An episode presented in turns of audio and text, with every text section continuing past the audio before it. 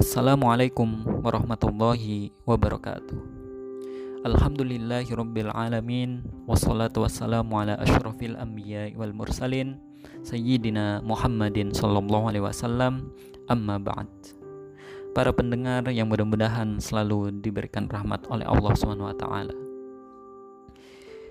Bulan suci Ramadan benar-benar menjadi bulan yang penuh dengan berkah. Bulan yang penuh dengan pahala. Maka oleh karena itu tidak jarang perbuatan yang bagi kita terlihat sepele akan tetapi mempunyai ganjaran yang begitu besar di sisi Allah Subhanahu wa taala. Rasul Shallallahu alaihi wasallam di dalam sebuah hadisnya bersabda, "Man fattara iman kana lahu mithlu ajrihi khairu annahu la yanqusu min ajri shaim syai'an. Dalam sebuah hadis yang diriwayatkan oleh Al-Imam At-Tirmidzi dan juga diriwayatkan oleh Ibnu Ab Ibnu Majah bahwa Rasul bersabda barang siapa yang memberi makan kepada orang yang berpuasa maka baginya pahala seperti orang yang berpuasa tersebut tanpa mengurangi pahala orang yang berpuasa itu sedikit pun juga.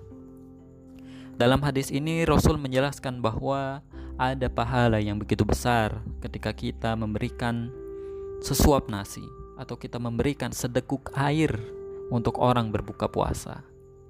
Ketika kita memberikan menu berbuka puasa kepada orang yang berpuasa, maka secara otomatis kita mendapatkan pahala ibadah puasa orang yang kita beri makan tersebut.